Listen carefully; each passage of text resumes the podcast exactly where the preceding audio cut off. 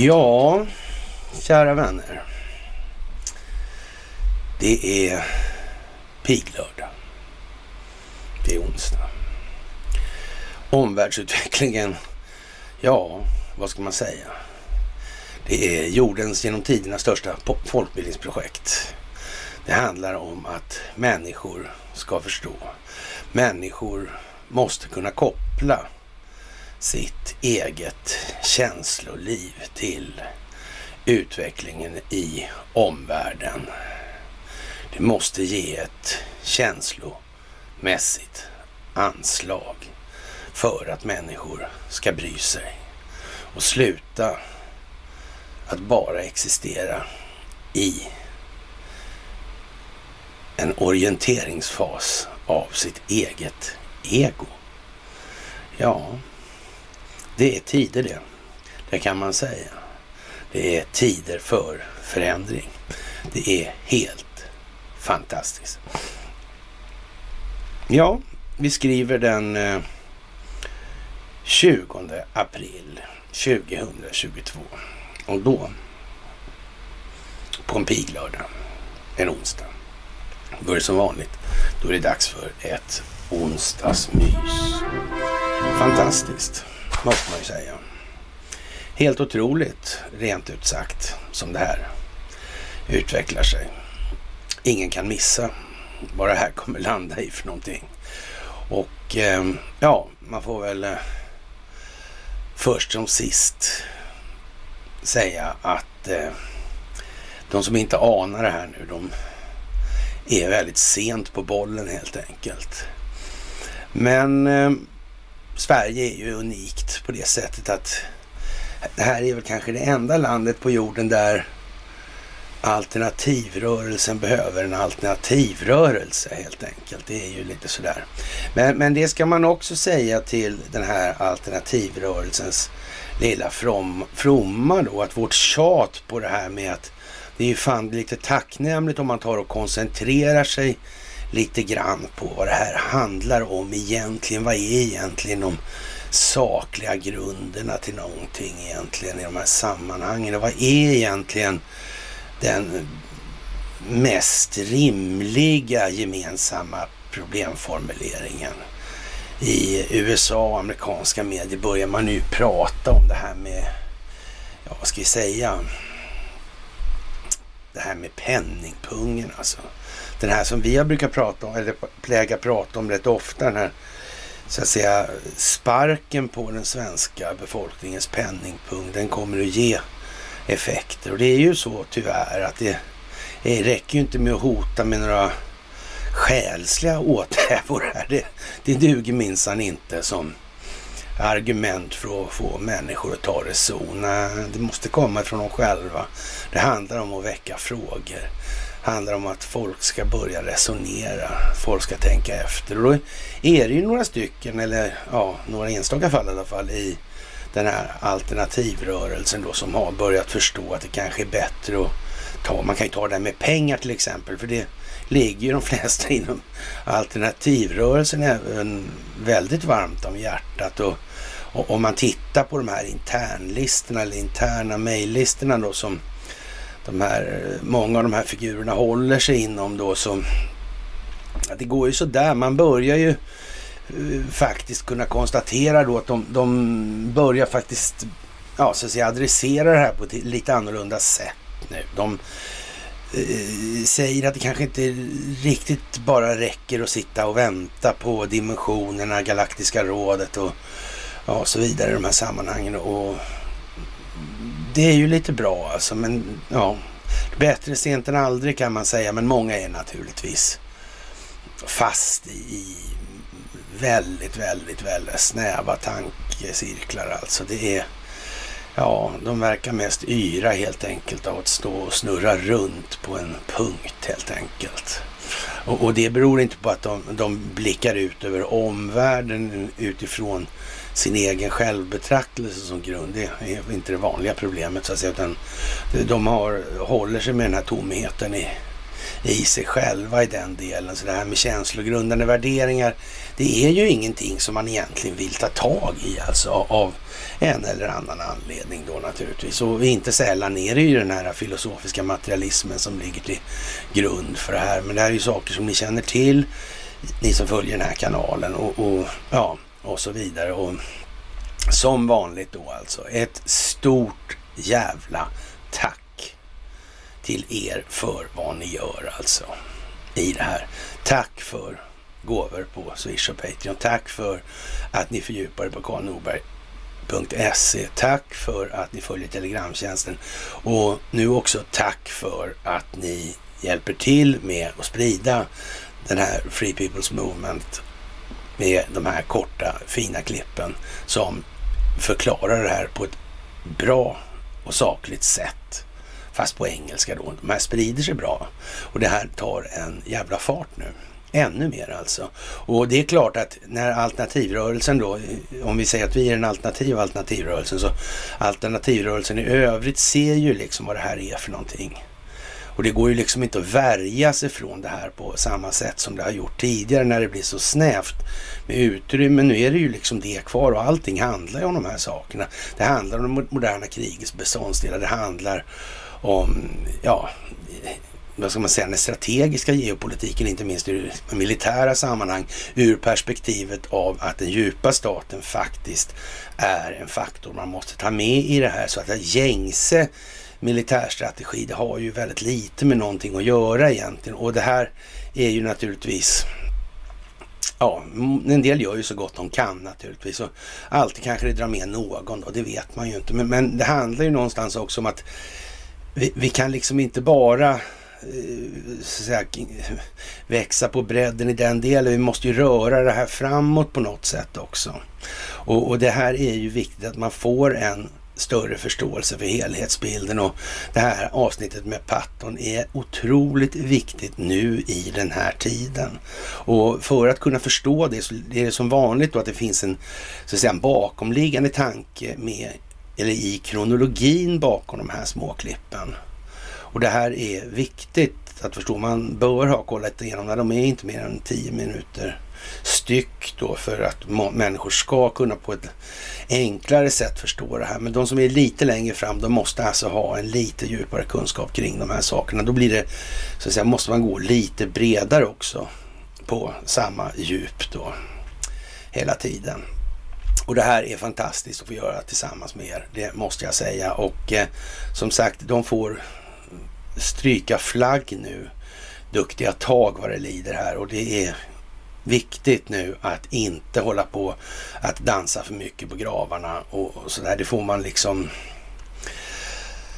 Man får överse med att man har det material att arbeta med som man har i det här landet. Vi har det tillsammans alltså. Och ja, vi får ju göra det bästa av det. Det är liksom ingen idé att skräna för mycket om att de är tröga i huvudet och sådana grejer. Det är ju som ingen eh, man får ju liksom, det är ingen ny upptäckt om man säger som Så, så det är liksom ingen idé att säga det ens längre. Det är, det är bara som det är och det har ju, ja, som sagt, det är lång tid här i Sverige som har varit på ett sätt som har varit ägnat att gynna de här enskilda intressena och göra dem allt rikare på allt fler människors bekostnad. Så är det ju. Och ja, vi kommer till tillbaka till det här då i en massa olika sammanhang idag naturligtvis. För det här är ju någonting som har hållit på länge, länge, länge. Vi kan börja med lite bröd och skådespelsteori då höll jag på att säga, men den ryska regeringen reagerar starkt på uppgiften om att ryska och belarusiska eller vitryska tennisspelare stoppas från deltagandet i Grand Slam-turneringen Wimbledon. Och Wimbledon är ju en sån gammal, här är ju en gammal sån fin sport som Gustav V ägnar sig åt och så vidare. Och, ja, utan att dra växlarna på det där med Haijby och så vidare i, i all oändlighet. Alltså vi kommer tillbaka hela tiden. Men, men eh, det här med att stå och skrika kontrollerad hit och kontrollerad dit, det börjar ju bli lite, ja, nu är det som det är liksom. Vi, vi, vi förklarar grunderna på sak, eller förutsättningarna på saklig grund istället så kanske vi kan få några till att sträcka sig lite längre utanför vad de ja, utanför sin egen komfortzon så att säga. Det tror jag vi gör smart i att göra helt enkelt. Ja, ja. Det är otillåtet att hålla idrottare som gisslan, säger Dmitrij Peskov, talesman för Kreml. Beslutet om ett stopp för deltagarna kommer enligt BBC och BBC alltså. Officer, det är det där som lyder under Redby alltså. Ja, eh, ja, det blir officiellt under onsdagen idag. Alltså inom tennisen har ryska och vitryska idrottare redan hindrats från att delta i lagtävlingarna Davis Cup och Billie Jean King Cup alltså. Men fått spela vidare i de stora torerna ATP och VTA samt i Grand Slam-turneringen Franska mästerskapen i maj-juni då.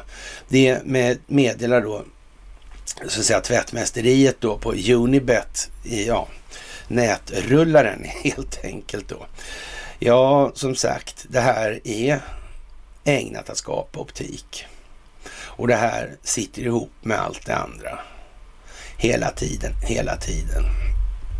Ja, Hugin och Munin ute och flaxar, det vill säga många av de här som hänger med på det här myset och på de andra mysen och på de här sidorna där vi håller till. De blir avstängda i tid och otid naturligtvis och det måste vara så också. Även om så att säga Facebook är nog ungefär lika kontrollerat som, eh, ja vad ska vi säga, ska vi säga den Grönlandsaffären kanske? Som var när Grönland bestämde sig för att inte utvinna kolväten helt enkelt. Ja, det kanske handlar om andra grejer där. Så. Det gör nog det, gör nog det, gör nog det. Netflix aktie gick ner förresten. Ordentligt. Vad kan bero på det här? Mm. Kanske... Ja, det är en sak borde det i alla fall vara säkert. i alla fall. Att det måste varit ett, så att säga, utbudsöverskott på aktier. Annars hade inte priset fallit. Om man nu ska se att de inte manipulerar dem bara med algoritmerna. Sådär. Mm. Ja, ja, det kan ju vara så. Det var ju så. Ja, de hade förresten, den där borgen hade någon premiär häromdagen då, för någon vecka sedan eller sådär kanske, eller några dagar sedan. Mm. vad handlar det där om? Det handlar om politiska spelet i det där. Mm. Vad märklig grej med det där alltså. Det är ju en väldigt dyr produktion det där egentligen, alltså den dyraste som dansk tv har gjort där. Ja. Man ska fråga om råd där i den där serien. Ja. ja, det var lite bråttom att titta igenom den där, för det visade sig att i ett av de första avsnitten där så pratar man om att Ryssland inte var att betrakta som en demokrati. Då hävdar man från danskt håll då i den här serien då, för eftersom det här man hade gjort angreppet på Ukraina då. Som då skedde någonstans i slutet på februari. Jävla snabb produktionstid det här. Det måste man ju säga, trots allt. Mm. Och ja, man vet ju inte. Det kanske är så att någon har en strategisk plan i opinionsbildningen här alltså. Mm. Man kan ju googla sådana här saker som Greenland, oil and gas och så kan man söka det som, som händer där. Varför gjorde de så där för egentligen? Hur ligger det där Grönland egentligen om man tittar på det? Mm. Och de här isbrytarna har man byggt också, de här stora rackarna. Just det. Och det är på något vis den sista historierna med Grönland var ju i samband med Donald Trumps administration kanske va? Ja, så byggde man några isbrytare i samband med det där också. Mm. Ja, jag vet inte. Och så lägger man ihop det med den Netflix-historien där. Ja, han ville ju köpa Grönland, den gick inte. Ja, det där är mycket speciellt får man säga. Alltså, men man vet ju inte. Inte kan det väl vara så att det är någon som har tänkt till här. Nej, det tror jag inte på. Det kan inte vara så. Det måste vara slumpen alltså. Som det slumpar sig och när man får tid, eller när han får tid, ursäkta. Som Karl Gerhardsson, nu kliar ögat här. Ja, som sagt. Det är många som ser saker. Och Hugin i Munin var ju Odinskorpars eller Odenskorpar. Mm. De såg allt och sådär. Och Ja, nu har de kraxat runt från sin avstängningsbur här och så här låter det då. Ha ha ha ha liksom. Ja, och så är nog lilla Jack Dorsey stacklad ända upp i ja, VA-gången då. Detta utspel är fint. Kan media ligga bakom falska flaggor för att skapa nyheter för att vilseleda en indoktrinerad befolkning som fått sin indoktrinering från skolan för att reagera på ett visst sätt? Eh, det där med känslogrundande värderingar och manufakturerat samtycke från medierna. Anledningen är att jag skriver här är förresten att jag sitter i FB-finkan då. Och ja, vi ska inte chikanera folk som sitter i finkan sådär då. Det handlar om att Twitter grundaren och Jack Dorsey på måndagen då anklagade CNN för att skapa konflikter i Ferguson, Missouri, Missouri där och eh, upploppen som var där och eh, det gjorde man för att de här nyhetskanalerna som CNN och då skulle kunna filma det här. Mm. Kan det vara så? Hade inte vi några kravaller nu när poliserna glömde bilnycklarna i och blev av med vapnen och jag vet inte vilka tokigheter det var. Ja, jag kommer väl tillbaka till det här också. Mm. kan det där vara egentligen? Det är lite svårt att förstå. Eller kanske inte så svårt att förstå egentligen. Om man anstränger sig lite. Ja, det är naturligtvis... Eh, ja Biden talar om för Obama då tydligen att eh, han tänker, han tänker eh, köra för återval 2024 där och, och ja, vad ska man säga? Mm. Han gör ju vad han gör under livsporslinet. Mm. Och det går ju sådär. Beroende lite på hur man ser saken. Beroende lite på hur man ser saken. Förutom att hans hundar brukar bita säkerhetstjänsterna så, ja. Det, är det är nästan bästa de har gjort egentligen sådär kanske. Jag vet inte. Det är i alla fall rätt uppenbart att de här opinionssiffrorna som underlivsporslinet får och numera håller sig med, de är ju lite speciella kanske. Mm. Och den här sonen med den där datorn, Voine, Voine, det där blir aldrig bra alltså. Nej, det blir det ju inte. Nej. Svenska politiker, var är de någonstans i de här frågorna? Svenska medier, var är de? Inte med på banan, nej. nej. inte i den matchen i alla fall och inte i det spelet och inte i den staden och ingen annanstans heller. Nej. Det är ju konstigt att det kommer sig liksom. Jaha, och eh, ja, vad ska vi säga? Det, det ja, tråkigt liksom att det ska behövas, men det är också nödvändigt alltså. Vi har oss själva att skylla i det här. Det är ingen annan vi kan lasta för det här, att den situationen som vi själva befinner oss i, det går ju inte. Ingen av oss har gjort tillräckligt för att upplysa alla andra. Nej, för då hade det inte sett ut så här alls. Ja, ja, drottning Elisabeth fyller 96 år och hur det sitter ihop med det här, det vet vi. Vi vet ju kungafamiljen och, och den brittiska kronan sitter ihop med underrättelsetjänsterna. Vi vet hur det kopplas till Hollahawks business. Vi vet hur det kopplas till Ghislaine Maxwell. Vi vet hur hon är kopplad till Robert Maxwell. Vi vet hur Robert Maxwell är kopplad till Hambrobanken till exempel. I det här hur finansieringen av hans förvärv för den här vetenskapspublikationen då. Mm, som skulle användas med givna syften. Mm, inte minst för läkemedelsindustrins skull. Hur han pysslade med Hollhags business.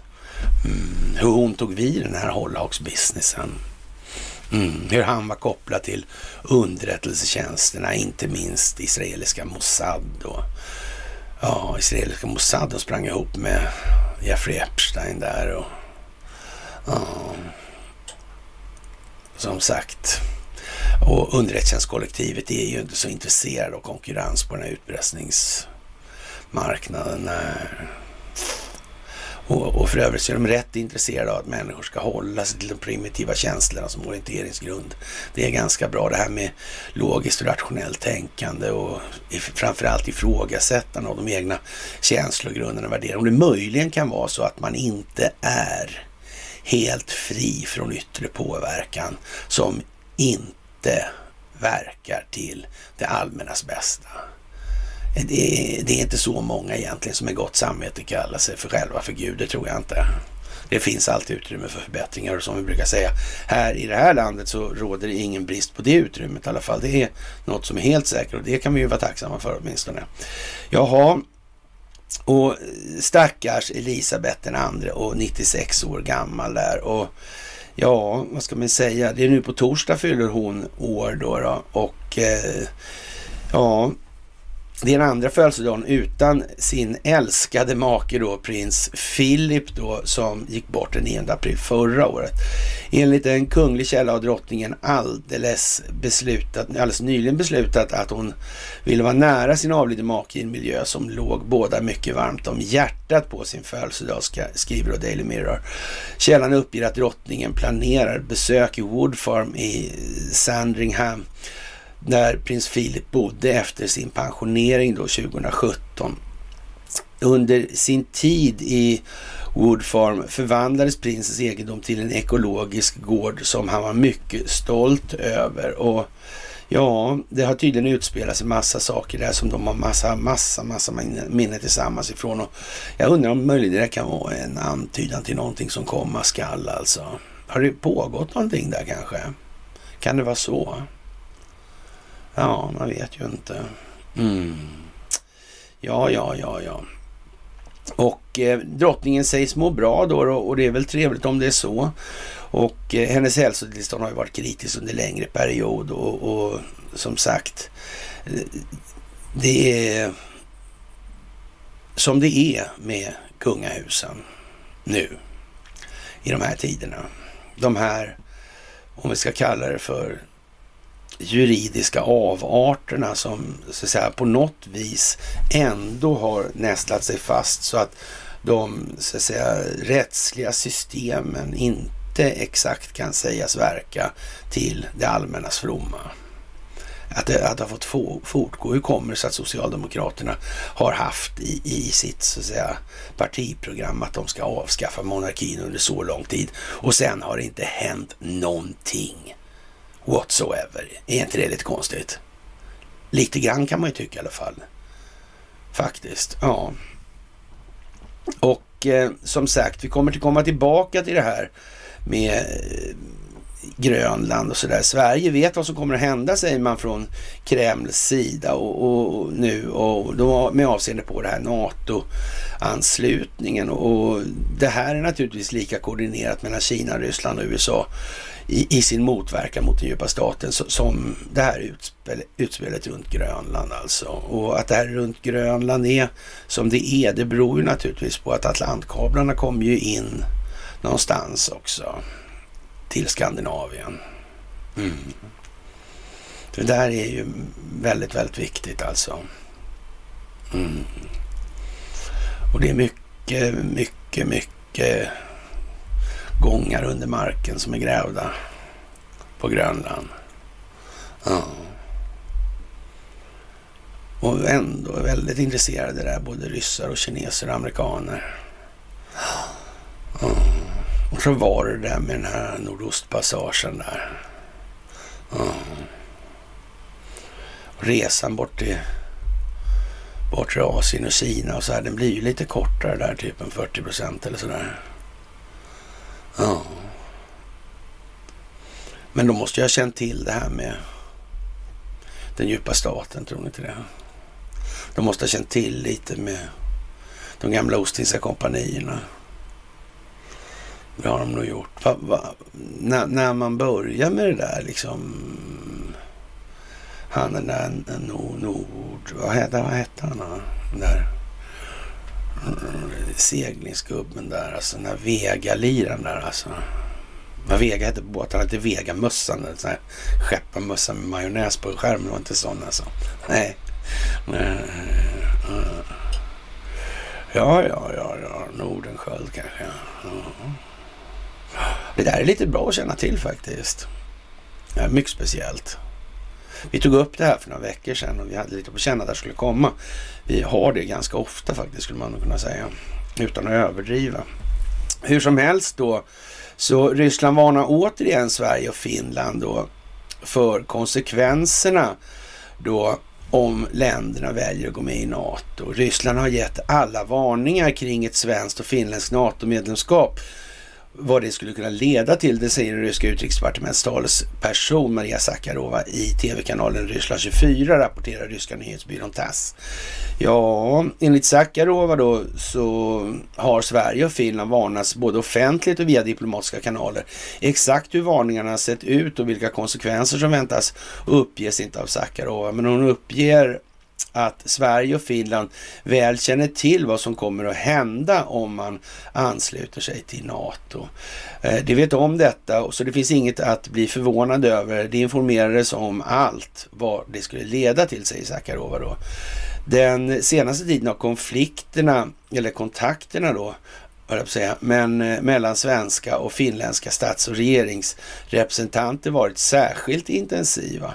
Sedan Ryssland invaderade Ukraina har NATO-debatten fått fart i båda länderna som nu håller varandra informerade om diskussionerna och det här är lite speciellt sådär till någonting vi kommer senare här. Och Finlands president, president Sauli Niinistö kommer på statsbesök till Sverige den 17 till 18 maj. Presidenten kommer tillsammans med sin fru Jenny Hauke och en delegation med representanter för både regering och näringsliv. Ja, statsbesöket sker på inbjudan från kung Carl Gustaf. Vad fan har han med saken att göra?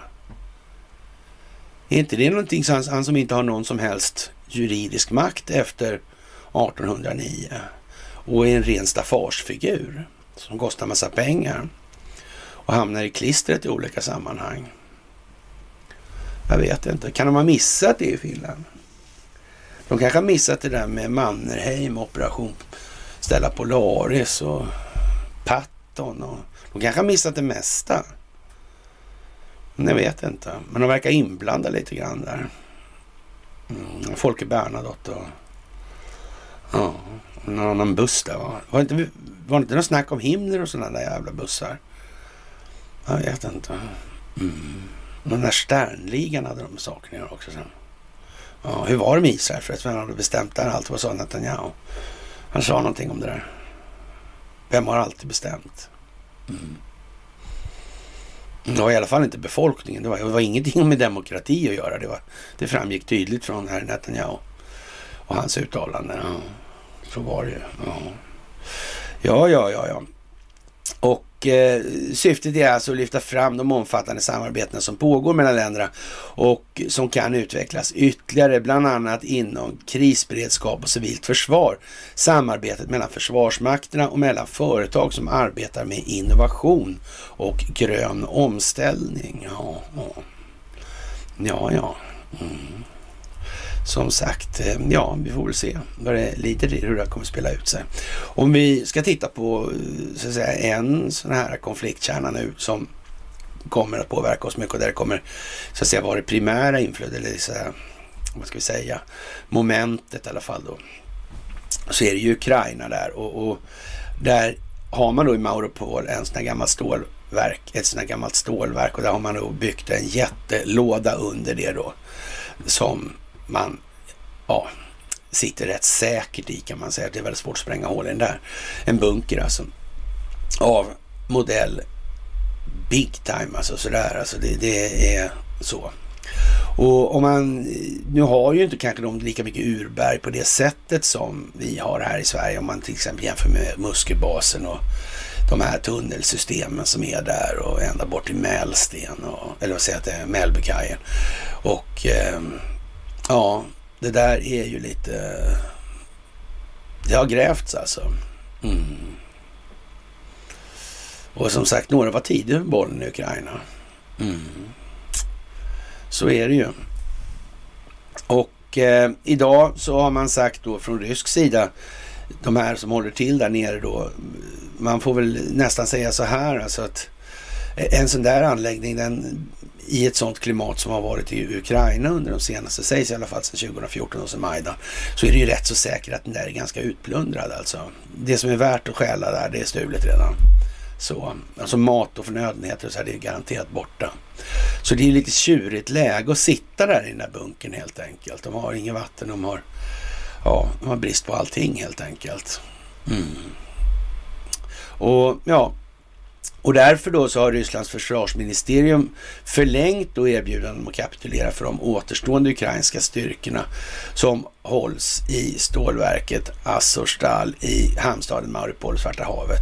Efter att de har vägrat lämna genom en humanitär korridor på tisdagen då sådär. Och ja, de litar väl inte riktigt på att, att det här kommer att gå så bra kanske, men det kan man väl kanske förstå. Och så finns det då en anledning till naturligtvis. Hur, varför vill inte Kreml, eller vill säga Kiev egentligen att de här ska släppa? Mm. Det kanske finns mer saker där nere. Och det är väl kanske den enda förutsättningen för att de överhuvudtaget ska krypa ner i det där. De där hålen alltså. Mm. Så är det ju också. Det är ju trots allt så att det skulle ju bara vara att gasa ihjäl dem alltså. Mm. De är alltså ingenting som sorterar under folkrätten alltså i det här. De är fritt villebråd alltså. Hur som helst alltså.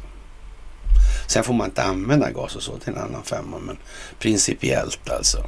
Mm. Ja, ja. Det som för närvarande är på platsen kan fortfarande lämna anläggningen från 14.00 Moskva-tid på onsdagen utan några vapen eller ammunition på sig. Då. Så tjänstemän ett uttalande senast på tisdagen. Och det ryska ledarskapet garanterar bevarandet av liv, fullständig säkerhet och tillhandahållande av kvalificerad medicinsk hjälp till alla som lägger ner vapen då, stod det. Landet har bevisat sin humana inställning till att överlämna ukrainska trupper vid ett flertal tillfällen under konflikten och den här gången kommer även villkoren för Genèvekonventionen om krigsfångar att uppfyllas, då insisterade ministeriet, fast de här inte sorterar under den kategorin överhuvudtaget alltså. Ja, för att kunna lämna stålverket uppmanas de ukrainska befälhavarna inuti att upprätta oavbruten radiokontakt med de ryska styrkorna och upphöra med fientligheterna fientligheterna och hissa vita flaggor längs Azovstals omkrets då i det här. Och borgmästaren där i Mauripol har sagt till att äh, men vi bryter nu alltså, vi lägger ner. Och det här kommer ju så att säga gå den vägen. Och sen är det väl då en ganska överhängande risk att det här blir lite som det här Adolf Hitler-stuket på slutet då. Och, och, det är möjligt att eh, Zelensky försvinner ner i någon bunker och sen sedermera aldrig mer avhörts va, enligt känt manér och sådär. Ja. Nu är det inte så att de vill ha en snacktolva på det viset alltså, men i rimlighetens namn måste det ändå vara så att eh, han kan inte ha gjort det här under, underlivsporslinsbeteendet så länge utan att det har varit planerat. Det är helt omöjligt och han kommer ju faktiskt från Kolomojskis sida där alltså. Mm. Och inte fan skulle väl de underrättelsetjänsterna ha missat detaljen med att infiltrera de här verksamheterna för att kunna exponera dem. Om det här handlar om jordens genom tiderna största stingoperation alltså. Och det handlar om jordens genom tiderna största folkbildningsprojekt. Jag tror inte jag underrättelsetjänsterna gör en sån miss. De delar av underrättelsetjänsterna som faktiskt försöker att motverka den djupa staten. Är det någon gång man behöver underrättelsetjänster den sista gången. Det är när man rensar ut den djupa staten i det här. Och därmed gör sig själv obehövlig. En så att säga federal polis kan man absolut, och man kan ha FBI med ett kontraspionage, alltså med CIA som sådant alltså. Och jag vet, vi har sagt det så många gånger, så många gånger. De där organisationerna man måste tänka efter. Vad är det här egentligen? Med vilket syfte har de här skapats? Vilken roll har de spelat? Vad är de orsak, orsak till under förra, förra århundradet? Och som sagt, den här föreläsningsserien, återigen, sprid och dela. Gör det. Det är viktigt. Ni vet själva vad det har gjort för er. Ni vet själva vad det har gjort för andra i det här. Och det kommer inga galaktiska råd. Det kommer inga dimensioner. Vi kan inte bara sitta still och drömma och tänka att det här kommer något kosmiskt hit och dit alltså. Men som sagt, återigen, det är beröm även till de inom alternativrörelsen som faktiskt anammar de här budskapen vi sitter och predikar här alltså. Och faktiskt försöker vidga sina vyer i form av att börja prata om pengar, prata om den djupa staten, prata om de strukturer som har verkat under förra århundradet och så vidare. Jaha, och eh, som sagt, det är på upploppet i Ukraina och som sagt, det kommer att bli som det ska. Det är bara en fråga om tid. Det här är planlagt sedan väldigt, väldigt lång tid tillbaka. Och ni kan ju som sagt fundera lite grann på hur det kommer sig att man i en Netflix-produktion kan prata om någonting. Det tar lång tid att göra. Och när man spelar in det här så har det näppeligen inte inträffat än något jävla angrepp på Ukraina. Nej. Det är ju lite speciellt ändå trots allt. Och eh, ja, som sagt. Nu luktar det närmast slavtjänstgöring, säger vi med ett litet elakt flin i mungipan då, när Jacob Wallenberg föreslås som ny ordförande för Svenskt Näringsliv. Och han är jätteintresserad av svenska småföretag alltså. Han är inte ett dugg globalistiskt sinnad. Han har inga som helst preferenser i den delen. Man kan säga sådär alltså. Ja, att stå med låda på magen och sälja varmkorv på en division 4 match, eller ja, en match i Gärdsgårdsserien liksom. Någon gammal månskensrink där alltså. Ja, det här är inte hans pryl alltså. Nej. Nej, det är nog inte det. Ja, det är ju lite speciellt alltså. I förra må eller måndag meddelade Svensk Näringslivs nuvarande ordförande Fredrik Persson, styrelseproffs. Alltså, han har jobbet styrelseproffs. Att han inte ställer upp för omval då ja, han som enda kandidat nomineras till ordförande för det europeiska näringslivets centralorganisation Business Europe, vilket DI då rapporterade om. I ett pressmeddelande på onsdag meddelade Svensk Näringsliv valberedning att Jacob Wallenberg föreslås som ny ordförande för organisationen. Se där, se där ja, se där ja. ja, ja, ja. Jacob Wallenberg har många uppdrag i svenska och utländska företag. Och det har gett honom breda kunskaper och djupa insikter om förutsättningar för företagande och välstånd. Ja, och välstånd nu förändras här alltså. Han vet vad, vad som behövs och har länge varit en stark röst för att stora och små svenska företag både ska kunna ta vara på möjligheterna och klara utmaningarna, säger Staffan Lindqvist, valberedningen valberedningsordförande i en kommentar. Jacob Wallenberg uppger i sin tur att han känner sig hedrad för nominer över nomineringen. Och vi lever i en tid av stora utmaningar och förändringar men också möjligheter och där är Svenskt Näringsliv en viktig kraft och en viktig röst i att driva på nya lösningar för fortsatt jobbskapande och en hållbar samhällsutveckling. Små och stora företag har en helt central roll i vår framtida samhällsbygge som är beroende av innovationskraft, riskvilligt kapital, frihandel och nya former av samverkan och en öppenhet inför omvärlden, säger han i ett pressmeddelande då.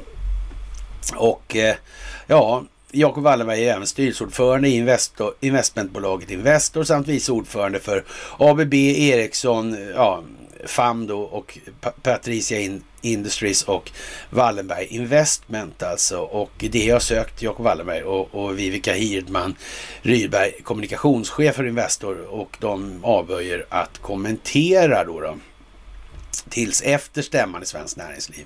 Och det kan man väl faktiskt livligt föreställa sig att det finns anledningar till här nu. Men, men, men som sagt, det är inte så att han kommer undan så lätt här nu. Va? Och, och sannolikt är det väl så att han eh, åläggs lite tjänstgöring i olika ändar här då. då. Faktiskt. Och det kan ju vara så att det inte just Jakob som har kanske begått de allra tristaste grejerna på det viset. Även om han ser ut som om han skulle vara han hela tiden. Men det kan ju vara någon där, där, som börjar på P liksom. Som, vem är P? Ja, Peter Poker Berns liksom. Eller säger man Berns? Nej, men ja, ni hajar. Ja, det är ju lite sådär alltså. Och eh, ja, Svenskt Näringsliv är enligt egen beskrivning företagsamhetens röst i Sverige. Organisationen samverkar med 49 arbetsgivare och branschorganisationer och är den gemensamma rösten för 60 000 företag med nästan 2 miljoner medarbetare.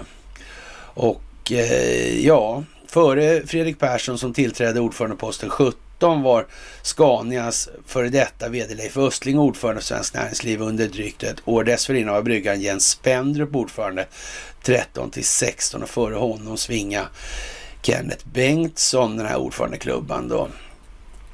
Och ja, vad ska vi säga, det verkar som någon har tagit tag i det där på något vis alltså. Ja. För det är nog så att det slä, kommer inte släppas fritt. Det finns ingen möjlighet. Samtidigt som det heller inte är möjligt att vänta in alla så de ska förstå allting. Det kommer vi få vänta till vi... Ja, det kommer vi aldrig uppnå helt enkelt. Så är det också. Det måste bli en glidning och då kan man ju säga att då har ju han slankat till sig här, Jakob Wallenberg. Det är ju trevligt att se i alla fall. Han verkar inte lika beroende av kortison om vi säger som så. Mm. Jaha, och eh, SVT Play håller på med någon litet spel då, simuleringsapp hackerattack då, samhällskollaps där med världens uppsättning med Peter Wolodarski och, Carl Bildt och sådana här då, då. Och ja, man får ju nästan intrycket av att det, va? Ja, ja, men det är övertydligt alltså. Det är optiken. Det är ganska så uppenbart vad det där är för någonting. Det vet ju nästan hela befolkningen nu att Carl Bildt är mycket samvetsgrann och det är ju Peter Wolodarski också. Han är inte ett dugg partisk i något som helst sammanhang, allra minst när det gäller Ryssland. Han är seriös kille det där alltså. Mm, sådär. Ja, ja, det kan man ju tycka då kanske. Eller inte. Beror lite på kanske. Och eh, ja, eh, som sagt, det är ju Sverige som är som det är då. Och ja, vi får väl vara glada för att vi har kommit så här långt och vi får öka våra ansträngningar att skapa en mer medvetet medveten befolkning så att vi kan skapa den förändring som vi vill se i vår omvärld. Mm. Så är det. Och sen såg jag lite kul då så här med, med, med knapptjossan där också, knapptryckarna. Det såg jag lite skojigt alltså. Jo, nu har de skapat det systemet, alltså hela världen kan ta efter. Det tycker jag var lite roligt. Sådär. Mm. mm man kan säga så här att det är lite sådär olika bud i den här den alternativrörelserna. De här olika, det finns ju massa sådana där som är på en jättelång mejlinglista. Sådär. De, de är inte sådär jätte... Eh, ja, nej. ja. ja, men det är ändå lite sådär... Eh, jag vet inte. Jag, jag, kan inte säga så här att någon av dem är elak och dum faktiskt på det viset. Men de är i alla fall, man kan säga så här att de är de är lite mer än lovligt naiva alltså, ur, ur en rad olika perspektiv. Så kan man säga i alla fall.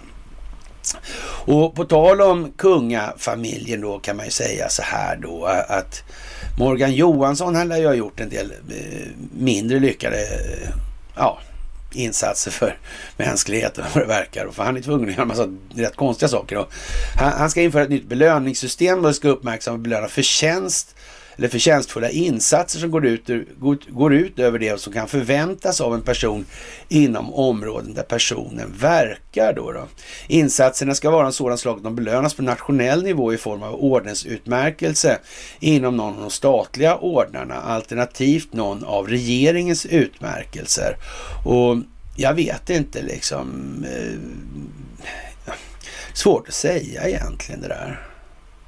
Faktiskt hur, hur man ska ställa sig till det där. Men en, en, en, en rätt så, så att säga, vad ska jag säga, drypande satir är att börja dela ut Serafimen till, till de som faktiskt gör någonting för det här landet och har gjort någonting för det där. Det, det skulle man ju kunna säga, det skulle ju bita lite egentligen alltså. Som märke i alla Hirohitos och allt vad det är som har fått det här genom åren alltså. Ja, vi kan ju, de svenskar också, Notino och så vidare. Ja, Ja, ja, ja, ja. Men eh, ja, som sagt, det är nationell nivå och ja, sådär. Vem som helst föreslås få nominera till utmärkelserna och ett självständigt råd föreslås sedan ges ansvaret att granska de här nomineringarna och lämna förslag till, förslag till utmärkelser. Varför gör man något sånt här jävla galet nu då? Vad, vad har det med någonting att göra egentligen? Man kan ju också se det som en, ja vad ska man säga? Det, om vi nu står i, om vi, vi leker med tanken att vi faktiskt står inför ett paradigmskifte här och nu. Då vore väl det liksom lite udda då. Börja på nytt, så, ta bort det här, dra ett streck över det här gamla skiten. Ja. Och den som har ställt till det värst som råkar leva, han får väl helt enkelt finna sig i att Ja, och även om det råkar vara så att Investor och sånt bara försvinner så kan det ju vara så att han är tvungen att vara kvar i svenskt näringsliv. Man vet ju inte. Han har inte, de har haft en tendens att skriva liksom små överenskommelser med ja, till exempel amerikanska justitiedepartementet och det vet man ju inte riktigt vilka parametrar de har vägt in i de här överenskommelserna från den amerikanska sidan till exempel.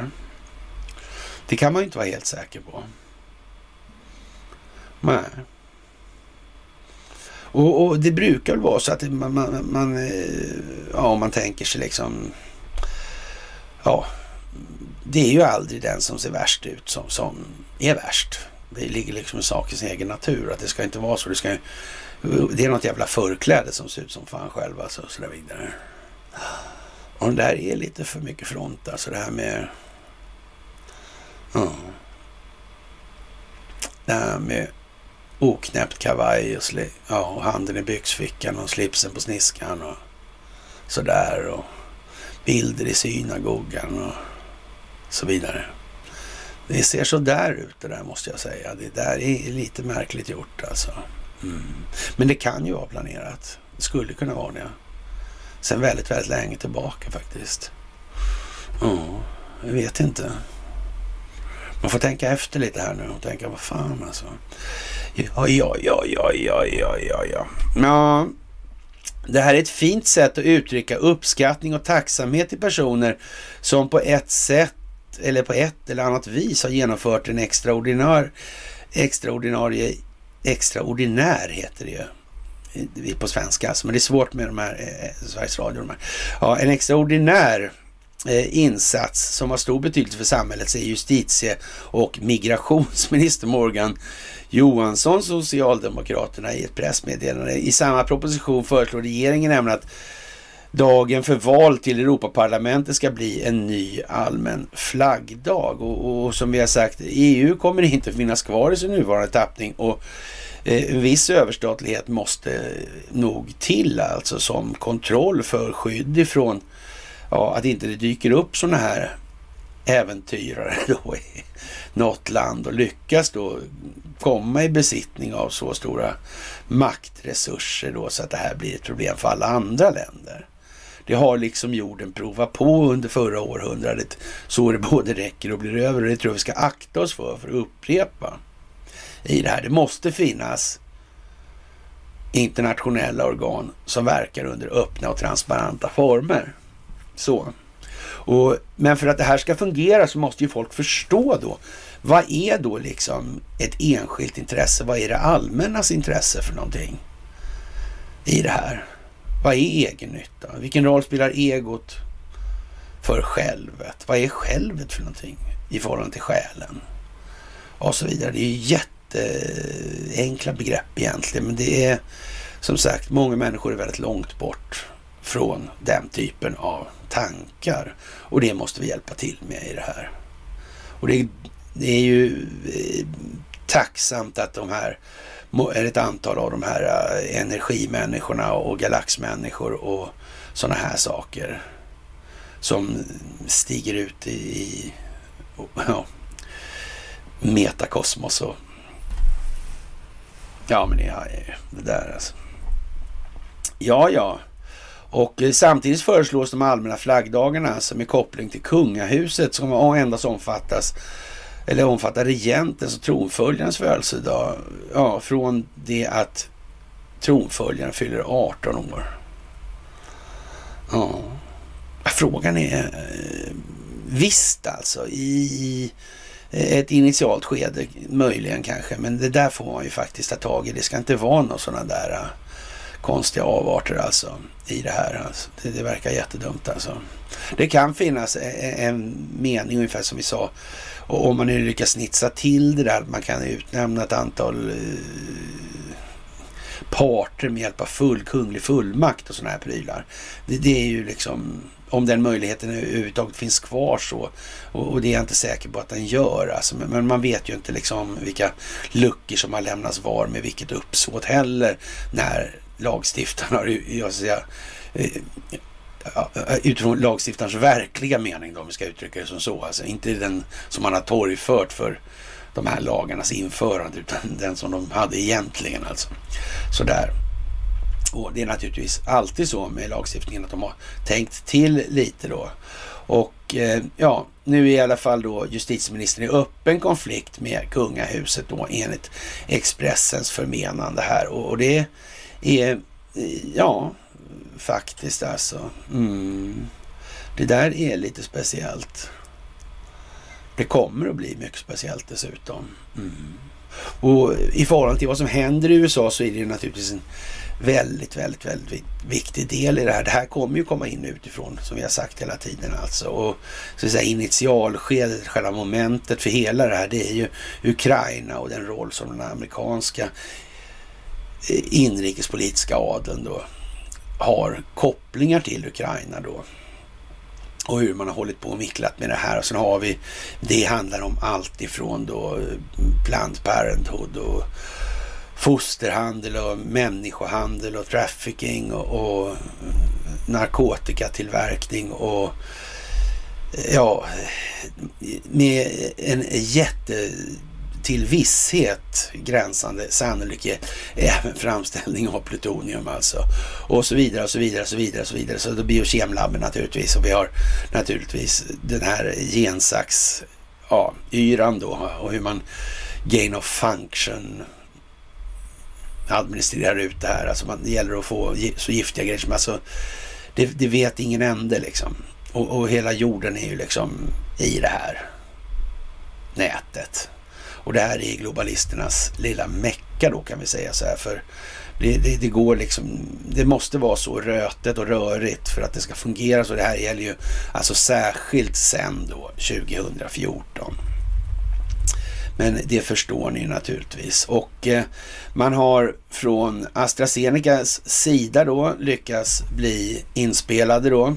Och eh, på tisdagen igår då alltså släppte Projekt Veritas en inspelning från 2020 som nu har läckt ut då alltså. Och det är en källa inom livs, läkemedelsjätten AstraZeneca som har försett Projekt Veritas med en inspelning av ett internt Zoom-samtal, ett Zoom-möte då, där vdn för AstraZeneca Pascal Soarå då gör uttalanden om vaccinkompatibilitet som strider mot riktlinjerna från hälsomyndigheter och organisationer som Världshälsoorganisationen har då tänkt sig ska gälla då. Och det är ju, ja, det är som det är nu här och den här är också återigen då, det här handlar om gain of function och vad kommer det här någonstans? Hur kommer, ja, som sagt, vilken roll kommer Sverige att spela? Vad sa Kina där? De sa att eh, Sverige skulle kanske bli då någon form av svart hål till slut i det här pandemisammanhanget och då stänger man ner som vi sa förra gången här nu när det blir sådana här leveranskedjechocker där så vem kommer få den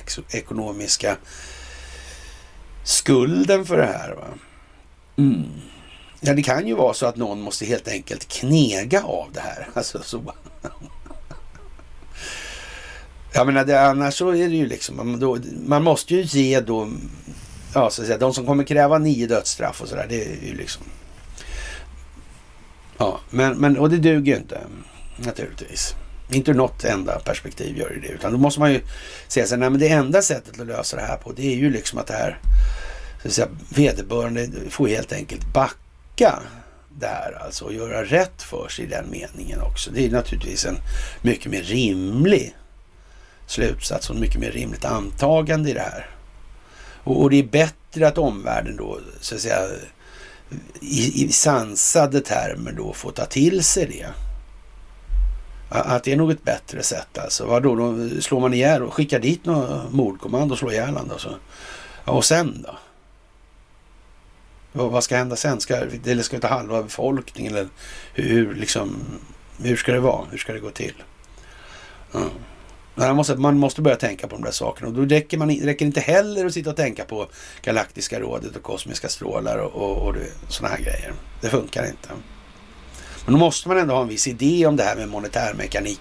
Man måste förstå att ja, så att säga, den djupa staten som koncept och funktion i det här när man pratar strategi. Man kan liksom inte prata om Karl XIIs drabanter och sådana här prylar alltså. Eller Karl XIIs karoliner kanske till och med. Ja, ja, ja det är ju lite så.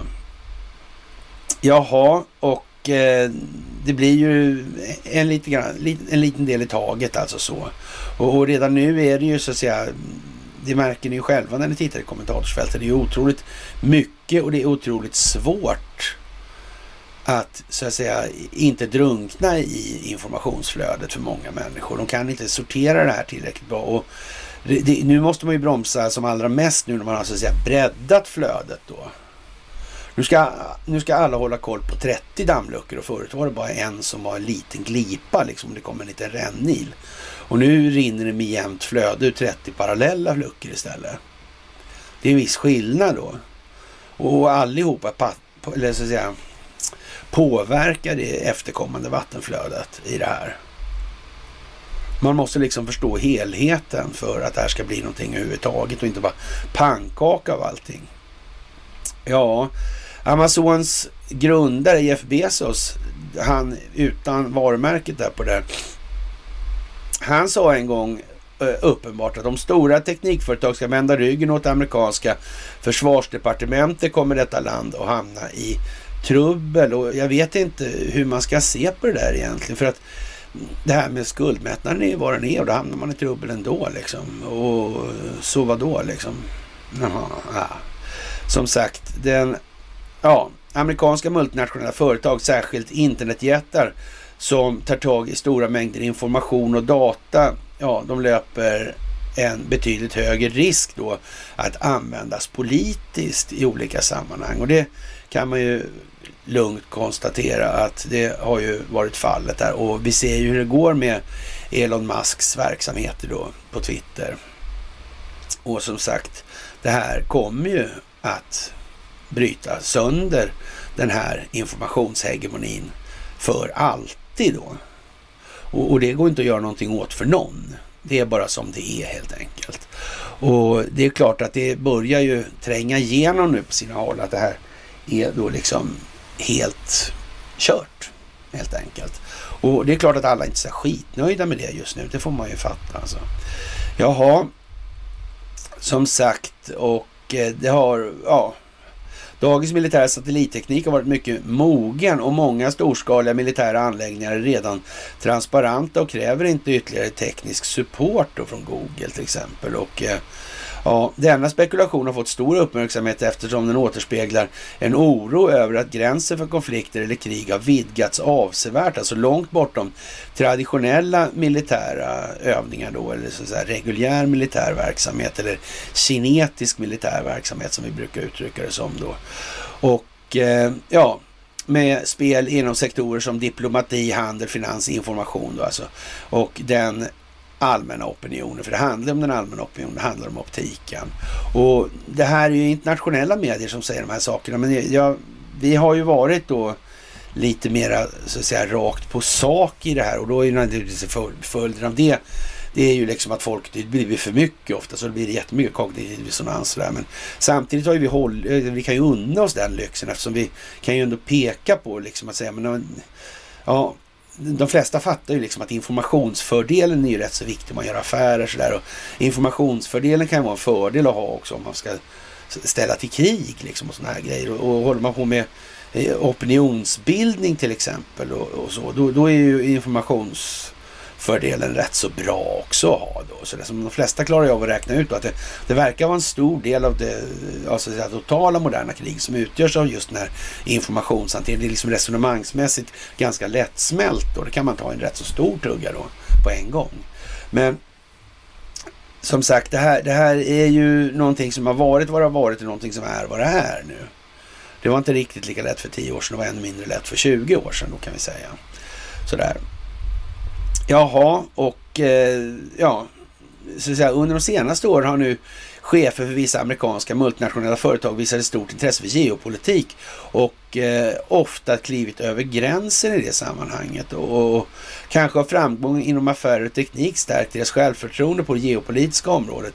Kommersiella intressen kan naturligtvis inte utesluta att det handlar om enskild vinstmaximering. Nej, men det är ju så. Va? Det handlar ju om de här globalistintressena som kontrollerar det. Det handlar om den djupa staten. Vad är det för någonting egentligen? Vad har de för någon funktion?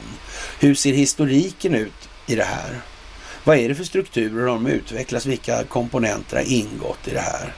Och, och det, det, är klart att, sen vet inte jag liksom riktigt hur, hur, hur, man ska förhålla sig till det här med, med då alternativrörelsen som nu gör sina tappla, eller stapplande första steg själva då börjar konstatera att det, ja, det här är pengarna liksom och, och, och och det är vackert så, det är bra liksom. Och, och sen ska de då försöka sig på och koppla över det lite geopolitiskt. Då tar, drar man in ett intresse och så springer man rakt i den första enklaste fällan och påstår att det är familjen Rothschild idag som har gjort det ena och det som har finansierat första och andra världskriget. Jag är helt säker på att amerikanska deltagandet i det första världskriget finansierades av ja, krigsobligationer utfärdade av det amerikanska Fed. Då, då. Till exempel att det var en anledning till att starta Fed i det där. Mm. Och det i sin tur satt ihop med allt det här med Sykes-Picot och Balfourdeklarationen och ja, roten till det onda alltså i Mellanöstern. Och det i sin tur satt ju ihop med ryska revolutionen och så vidare. Det här är ju ett större spel, så de här eh, slutsatserna då eller vad man ska kalla dem för då, när det, gäller, när det kommer till det här då, det, det blir ju lite banalt så helt enkelt. Och efterhand som då det moderna kriget förändras till att allt mer bestå av den här informationshanteringen som största komponent, då blir det ju ännu lite mer löjligt då med brevduvor Rothschild i det här då. Och därmed sagt att, det, att, eller inte sagt att de saknade en roll i Napoleonkrigen och såna här grejer, men det var ju liksom, då, då snackar vi liksom innan Wienkongressen. Sådär alltså. Och, ja, de här intressena, de var ju liksom redan de Ostindiska kompanierna i alla fall liksom. Ja. Och det där var ju liksom en, egentligen då en ganska strikt bankir, strikt och strikt, men bankirfamilj alltså. Det var ju liksom inte lika utpräglat det här med Ostindiska kompanier i den delen. Det var ju liksom inte globalt på det viset. Helt enkelt. Och det kunde aldrig bli på det viset, globalt på det viset heller.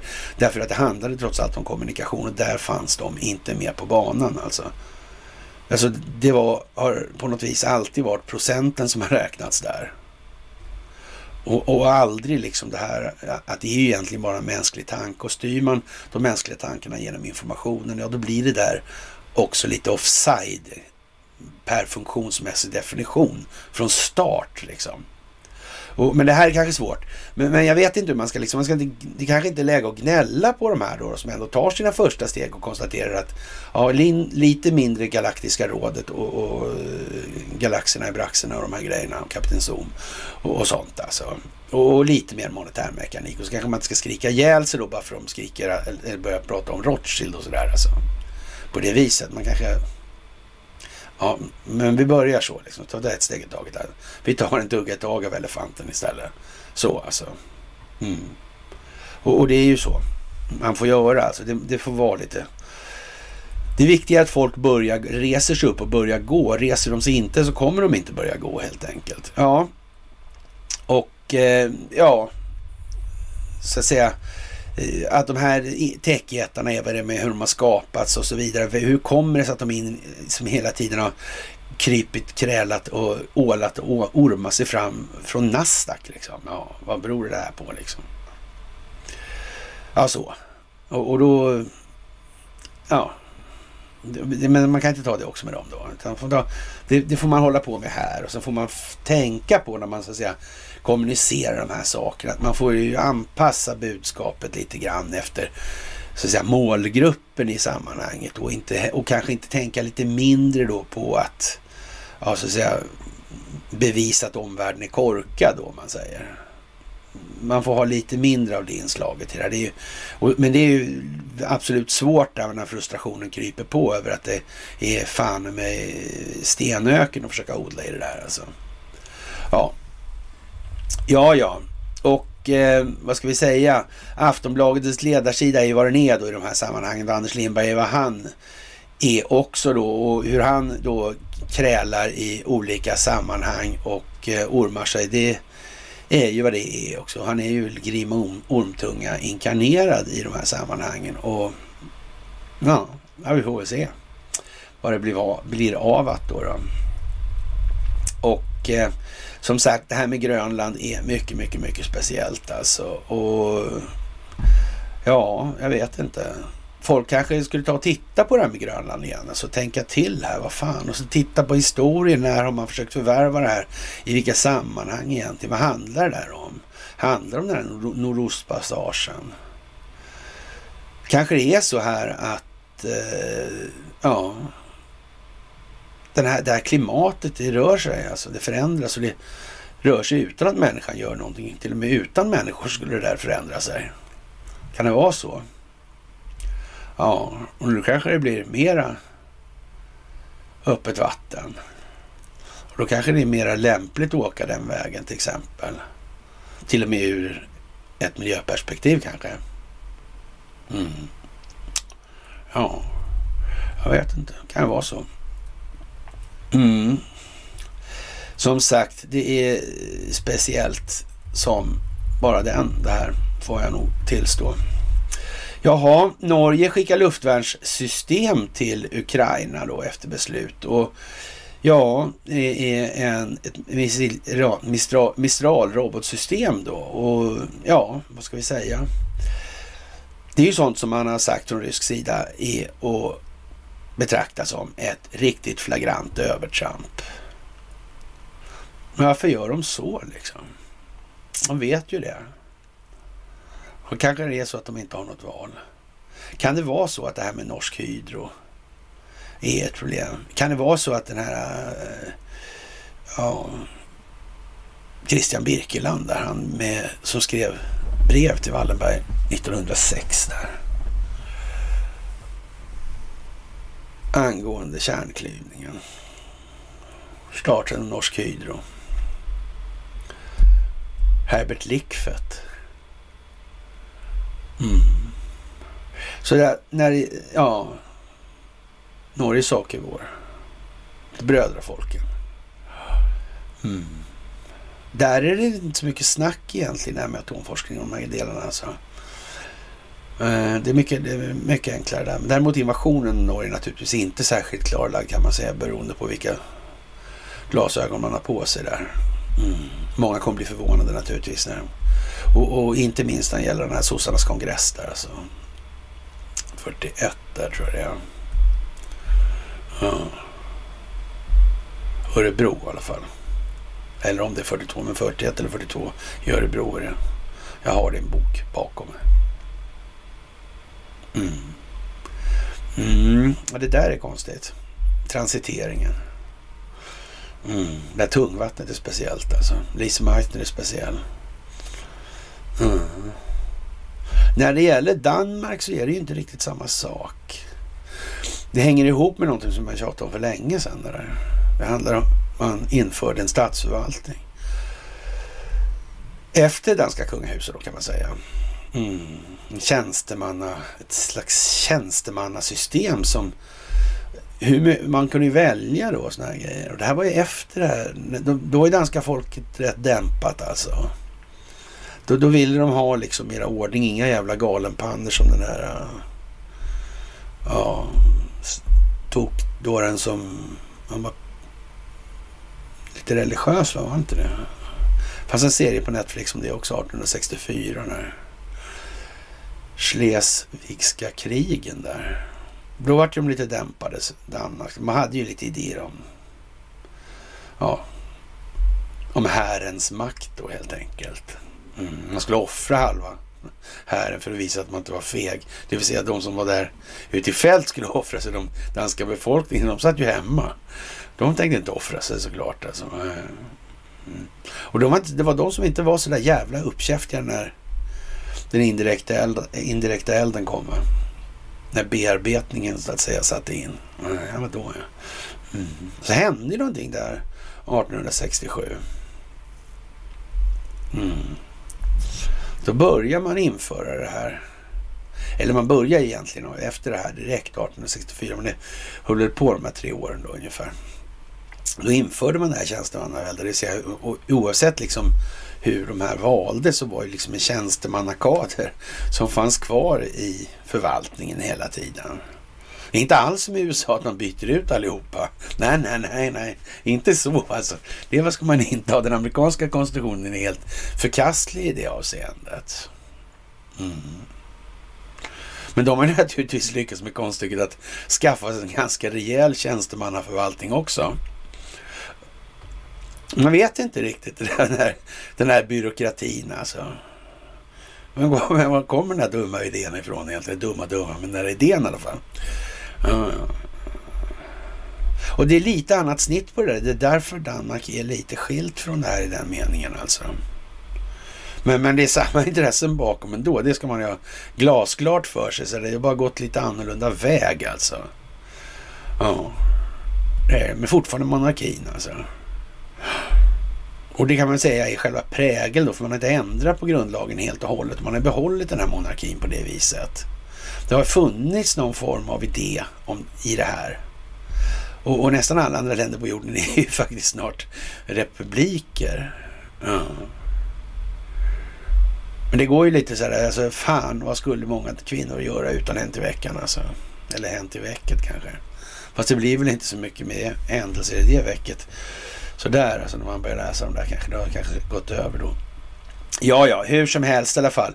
Det här med avancerad teknologi och big tech och så vidare. Boris Johnson han vet hur man spelar för att vinna. Och han har nu börjat dra lansen för att det här med big tech, det är lite farligt alltså. Det verkar vara liksom någon form av tech-diktatur i antagande.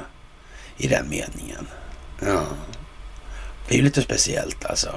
Google, Facebook, Twitter, YouTube och så vidare. Ja.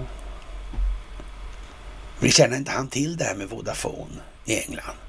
Och de köper kärnteknologin från Ericsson som för övrigt haft den engelska telekominfrastrukturen sedan 1800-talet. Mm. Eftersom man gjorde det så bra i Indien.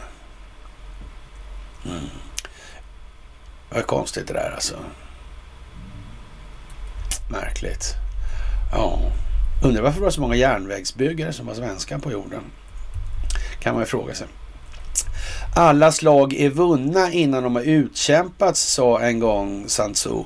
Och så är det naturligtvis. Och det beror på att eh, tur, det är när omständigheter kommer till förberedelse.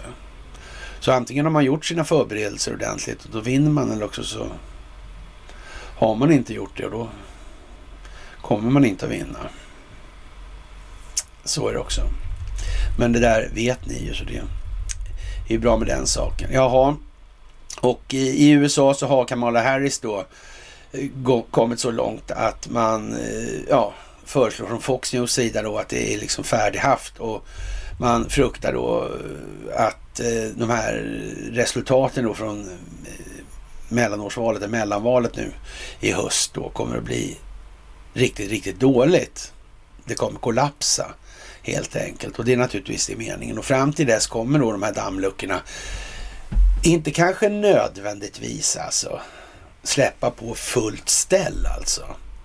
Det, det, det hoppas man vi nog att man ska kunna undvika. Men det som kommer att hända det är att man breddar. Det blir ännu fler. Om man säger så här att det är 30 dammluckor nu så när det här valet går då i början på november i höst alltså. Ja, då kommer det vara 120 luckor.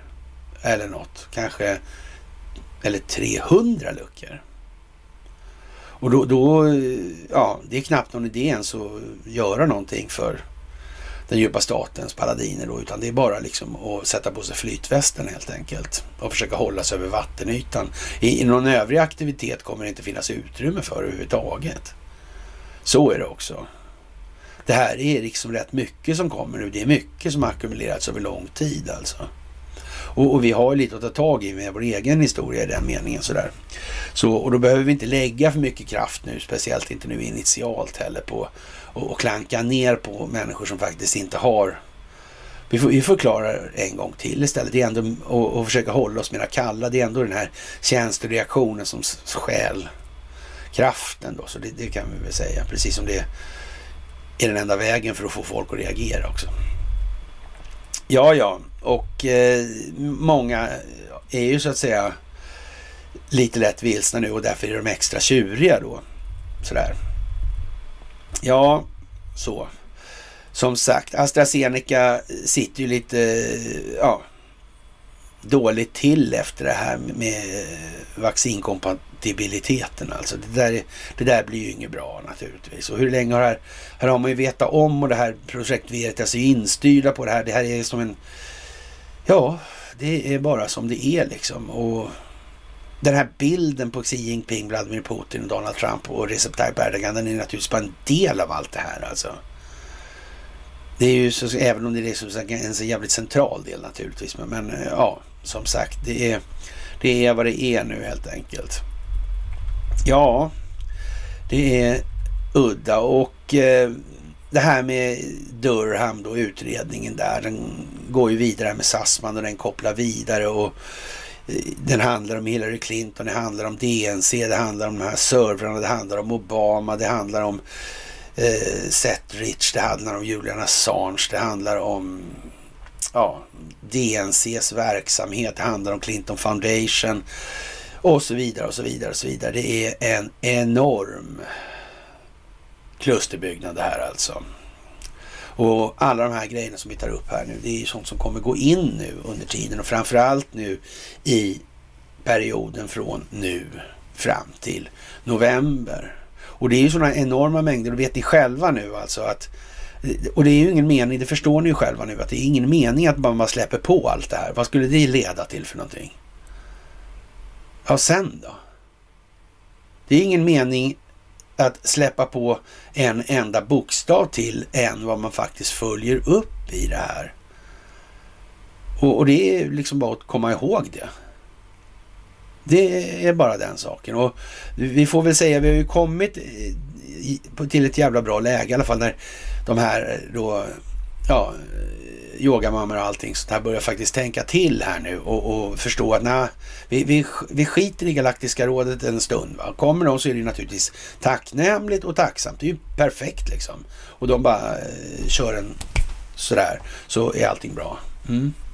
Men, men i, i händelse av att de inte kommer kanske vi inte ska stå bara och, och, och, och hänga på spaden. Va? Vi får nog fan köra lite här. Mm. Så.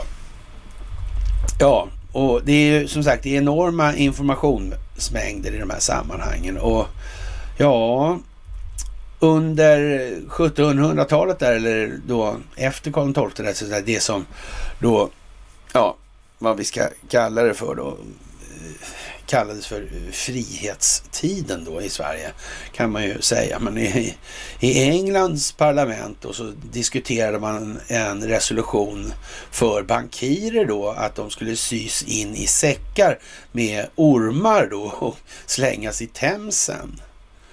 Och där finns ju den här uh, Anonymous-masken då.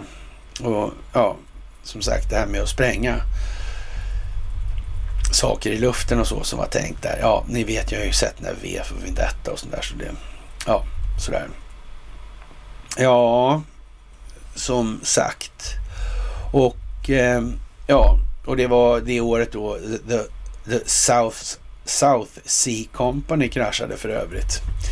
Jaha, och det är som sagt det är hård beskjutning mot stålverket i Azovstal sägs det mellan varven. Det var det innan det här, eh, ja, erbjudandena kom och det är ju egentligen inte så mycket att dunka på det där egentligen. Alltså de sitter i, det är ju inga småbyggen där alltså. Och, och de är ju så att säga, ska vara atombombssäkra. Va? Så att det, och den typen av sprängladdningar ska man nog akta sig för. Och, ja, det blir lite överdrivet. De får ju svälta ut dem helt enkelt och de kommer ju komma ut alltså. Så. Det finns inget annat. Och ja, annars får man skicka in folk och hämta dem då så att säga till slut när de är tillräckligt möra då. Ja, Ingves, han är jättetrovärd naturligtvis. Han är ju den branschen, alltså det är ända in i det förtroendemässiga kaklet som han sätter fart här nu. Och eh, han säger så här, tio räntehöjningar är realistiskt. Det ska nog fungera. Nog alltså, står det nu i förtroendeskaparbusinessen så finns det ett nog med här. Alltså. Den snabba inflationsuppgången har skapat ett nytt läge i svensk ekonomi. Att sitta med armarna i kors är inget alternativ, säger riksbankschef Stefan Ingves i en stor intervju alltså. Och eh, i ett val mellan konjunktur och inflationsmålet är det det senare som gäller alltså. Även om det slår stenhårt rakt in i plånboken på de högt skuldsatta svenskarna. Ja, Ja, företagen och hushållen större räntekänslighet än vad de förmodligen förstår. Ja, och så vidare i det här. Det är som sagt, det är penningpungen. Det är där det ska bita och det kommer att bli så också. Och som sagt, eh, ja, det här med Thuleförsäkringar, Thulehusen, Thulesällskapen, nazismens framväxt, försäkringsbolaget Thule, familjen Palme, familjen Wallenberg i det här. Det här händer massa saker och vi har lagt upp en liten text, utdrag ur en bok där. Och det handlar om den här tiden, återigen där runt rysk-japanska krigen. Skapandet av rederiet Ostasiat i den meningen. Ja. Och det kan ju vara värt att fundera på det här liksom. Det här med att skaffa sig ett register över tillgångar och ensa upp försäkringsmarknaden, göra det egentligen till ja, en slags kartell då, fast i det dolda då, eller om man ska säga, eller i det öppna kanske man ska säga snarare då. Ja, sådär. Det är ju som det är naturligtvis. Libanon ses som en knarkstat i nuläget, säger då SVT nu. Och det kan man ju säga. Hur är det med Libanon egentligen? Hur är det med Hariri-familjen? Hur är det med prinsessan Victorias resor dit? Hur är det med Hariri-familjens vapenhandel i de här sammanhangen? Hur var det med när Hariri blev inlåst där på Ritz-Carlton av MBS? Hur var det här egentligen? Varför åkte Victoria dit? Mm. Hade man tvättat pengar? Har det varit revision på den här centralbanken i Libanon? Har de varit med och tvättat pengar möjligen? Har de här narkotikapengarna, har de använts för finansiering av terrorister? Skulle det kunna vara så illa? Ingen skulle... Nej, det kan det inte vara. Nej. Ja, ja, ja, ja, ja.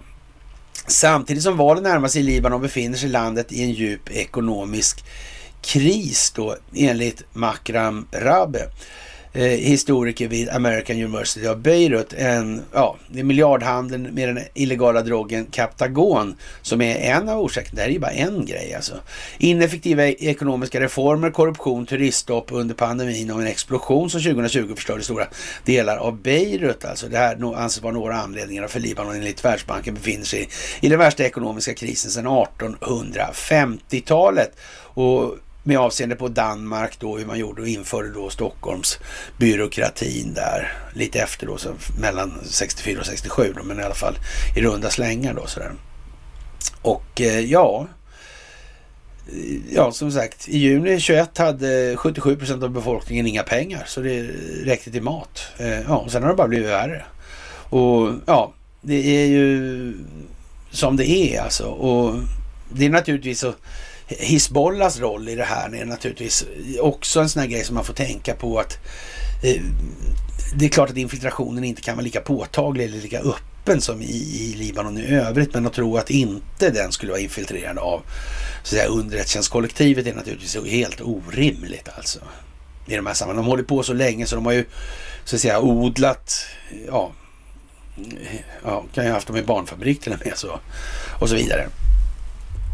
Ja, och så vidare och så vidare och så vidare. Det är som det är. Jaha. Och eh, ja, en 18-åring av en av flera unga män, eller 15-åring är anhållen efter de här upploppen. Och, och vad, vad, säger Säpo om underkänsläget i det här då? Och, och, och, som sagt det här med bilarna, med, med nycklarna i och så vidare. Jag vet inte. Det är ju eh, som det är alltså. Eh, ja, det, det, är en hypotes i alla fall nu som finns. Att det, det, finns en eller flera aktörer som har underblåst det här alltså. Och eh, ja, man kan ju säga så här. Det är ju otroligt konstigt att inte Säpo lyckas förhindra det här ens.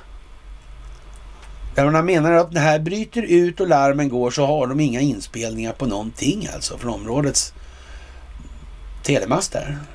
Inte någonting. De kan inte se hur telefonerna rört sig. De kan inte koppla de här telefonerna till några individer. He. Och varför inte då då, om man får fråga? När de kan göra det i alla andra sammanhang hela tiden jämt. Mm. Och det, vad, hur kommer det sig att journalisterna inte tar upp det? Vad gör Säpo? Vad är ansvarsutkrävandet av Säpo för det här? Om de nu ska hålla på på det här viset, varför gör de ingenting då? då? Ah, det är därför de inte håller på så annars. Ja, men sådär. Ungefär som de inte gjorde med den här uh, avlyssningshärvan. Som de inte kunde använda då, men ändå gjorde det och så vidare. Mm. Men elda polisbilar var mer okej okay, kanske, jag vet inte.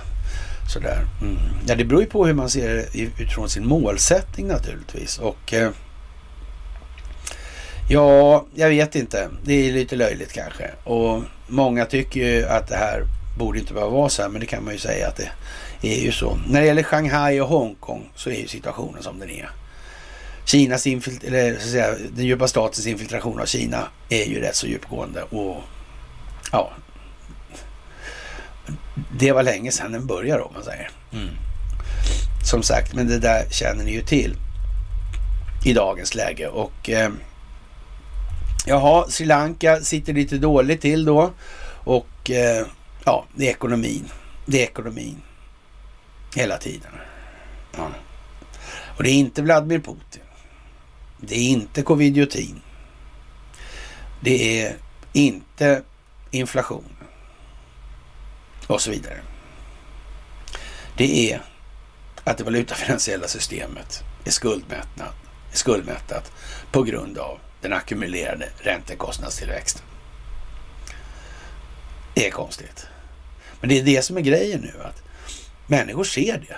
De förstår det. Nej, det gör de inte. Många förstår det, många fler. Och, och, och, det sprider sig fort. Och det är ju en sån grej som också gör nu att den här, vad ska vi säga? Inte det, ursäkta. Men Alltså det är klart att alternativmedierna, de som i alla fall försöker, kanske, de kanske har försökt på riktigt alltså, inte liksom springer några felaktiga ärenden och så här. De kommer ju så att säga att lyfta sig nu i det här. Av den anledningen liksom att de ser att nu är det läge liksom att antingen se ut som en riktig idiot eller också får man väl bita i att man inte har sagt något förut då. Ja, men det är i alla fall bättre att hjälpa till då. då. Så. Och det är det ju naturligtvis. Jaha, och eh, Lena Melin, hon är ju, vad höll jag på att säga, något roligt som rimmar men ja, i alla fall, i alla fall. Och eh, Konstig Erasmus ska vara en kuliss alltså. Eh, allt är inte som det ser ut alltså. Eh, sista ordet är långt från sagt i den här frågan. Det finns mycket att gräva i. Ja, tänk om hon vill börja Ja, det kanske är Putin igen då i det här. Ja, Mattias Våg har visst vaknat. Han får också skriva i Aftonbladet numera. Igår tror jag då.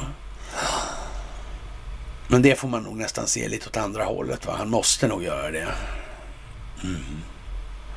Han kan inte tro att han ska bara komma undan nu, så det tror jag inte. I alla fall finns det så många som vet att han inte ska det. Så det är bara så. Ja, ja, det är ju lite sådär, eh, ja, faktiskt. Och eh, ja,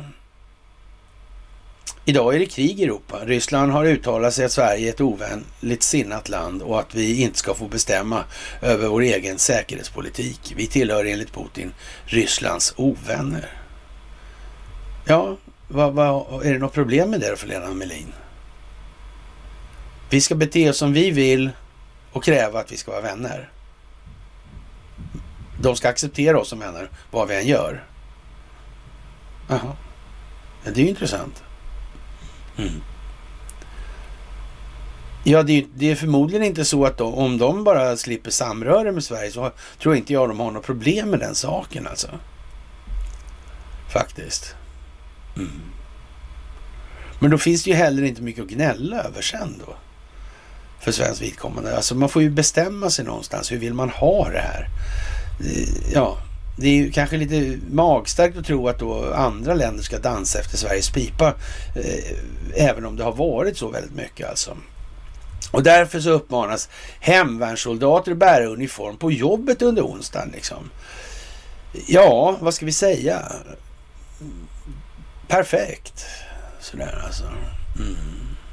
Den där försvarsmakten alltså. Ett politiserat otyg alltså. Mm. Ja, vi får se helt enkelt vad det blir av det där.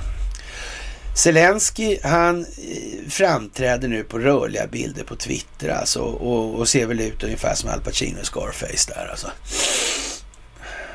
Ja. Eh, det där ser inte så seriöst ut.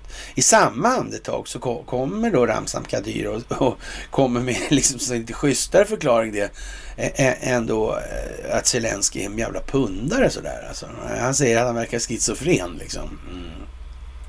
Ja, kan man ju säga kanske. Mm. Men som sagt, han är skådis. Sådär. Mm. Så det ligger liksom i själva paketet och farans riktning i totalen då så att säga. Jaha, och eh, ja, ukrainare vill lämna landet för Ryssland. Det är ju en sån här grej också. Vi, vi, kan ju hålla på till fan kommer att hämta oss med det här alltså. Och eh, Elon Musk han börjar eh, rigga för, för att ta in andra finansiärer i det här också. Ja. Va, vad händer då? All den stund han får fingrarna på det där. Då är det ju vad det är naturligtvis. Dels väntar en jävla massa åtal och, eller massa, ja, man väcker talan i en o, oändlig mängd mål då. Mm. För det här man har gjort med censuren och brott mot amerikanska konstitutionen och bla bla bla bla bla. Liksom. Mm. Och sen kommer det bli mycket ekonomiska påföljder för det här. Så är det också naturligtvis. Ja, det är ju precis bara som det är nu i den delen. Och eh, ja, det här med maskerna till exempel i USA. Hur fan kunde det gå i land med det? Ja, men nu är det slut med mycket. Så det tar slut nu med många saker på en gång. Och som sagt, det är ju då, om vi säger att det är 30 luckor vid rätt nu alltså. Säg för fem år sedan eller fyra år sedan. Då var det en lucka där det sipprade lite vatten. Nu är det 30 med ett fast flöde parallellt. Och befolkningen i gemen kanske har förmåga att uppfatta en till två på sin höjd. Ja. Och, och då orkar de inte sitta och titta särskilt länge ändå. Så det, det är som det är alltså. Och eh, ja, de amerikanska biologiska laboratorierna i Ukraina då kom till allmänhetens kännedom med starten av den ryska ukrainska konflikten då. Och, men det är bara toppen av isberg. USA kontrollerar 336 biologiska laboratorier i 30 länder runt om i världen alltså. Och de flesta av de här labben är direkt finansierade och kontrollerade av Pentagon och är belägna i samväldet då, av oberoende stater, CIS, då, Mellanöstern och Sydostasien och Afrika. Och ukrainska labb och forskare som skall till Sverige. Eh, ja, vad ska vi säga? Den här kulissen då som har täckt USAs beteende, eller ja, verkliga beteende då, har tagits bort en efter en. Alltså. Och genom de sju undersökande berättelserna som Global Times publicerar under de senaste veckorna, och de här det här är naturligtvis graverande och, och, så att säga, bakom då många vackra ord av fred och frihet och säkerhet och enhet, vetenskap, mänsklighet, global ordning och demokratiutveckling och så här. Och det här döljer då landets sanna ansikte av för, förrängd lust, girighet och underkuvande. Fast det är ju lite sådär, eh, ja, svepande skrivet. Alltså, det handlar alltså om den djupa staten i det. Handlar om globalistiska företagsintressen. Inte om USA som land och den amerikanska befolkningen. Det är ju inte det. Utan här glömmer man bort då. Men det är återigen så att det är en amerikansk, eller det är en eller så kinesisk tidning då, eller kinesisk publikation som det här handlar om. Och, men den är på engelska då. Och då får man hålla det på den nivån alltså. Men, men där kommer det ju å andra sidan gå lättare då eftersom man förstår vad till exempel CIA är för någonting som finns här. Och ja, som sagt, det kommer att bli som det ska liksom. Och här pratar man om kalla krigets mentalitet som svävar som ett spöke över Vita huset och Capitol Hill, Pentagon och CIA då har försökt, eh, eller har förstärkt amerikanska politikers syn på det internationella geopolitiska eller landskapet som ett nollsummespel öppet för ideologisk konkurrens alltså. Och, och som sagt, eh, kalla kriget var inte en gyllene era av utrikespolitiska förbindelser utan var istället en tragedi som kostade miljontals liv runt om i världen. Och vi har ju den här föreläsningen Framväxten av kalla kriget, den senaste alltså. Den får ni gärna promota lite mer här nu för det kommer upp här nu som ni själva märker. Det här Global Times är en stor publikation alltså i Kina. Och, och de är på det här nu i en artikelserie som är slut nu. Och, och det här kommer ju naturligtvis att växa ut nu i det här. Och det är viktigt att människor får en uppfattning som har någon koppling till verkligheten, alltså var det än vara månde. Och då menar jag alltså inte Rothschild eller Galaktiska rådet eller dimensionstjosan hejsan och sådär. Eller knapptryckare. Eller så. Det måste vara en bättre beskrivning av verkligheten helt enkelt. Det är viktigt. Jaha, och eh, vad ska vi säga? Man får väl vara tacksam för det lilla, höll jag på att säga. Ja, kravaller kan utnyttjas i rysk propaganda. Ja, SvD då. Och jag vet inte fan om det ska säga något ens. Alltså, det var en rabalderhund som hon har lagt in också. Och eh, omvärldens sanktioner mot Ryssland har misslyckats, slår Vladimir Putin fast i sitt senaste dag. Dagens ekonomiska bliststrategi fungerar inte, säger han. Samtidigt måste invånarna, invånarna få hjälp att hantera stigande inflation och ökande priser, säger man då i då, Aftonbladet. Och, och jag vet inte, var inte det samma sak alldeles nyss? Var inte stigande inflation och ökande priser samma? Är det inte det längre då? Har de ändrat på någonting här? Ja, och varför skriver man sådär då? Det är för att göra folk uppmärksamma på det, här, för att folk ska tänka efter. Vad är det där?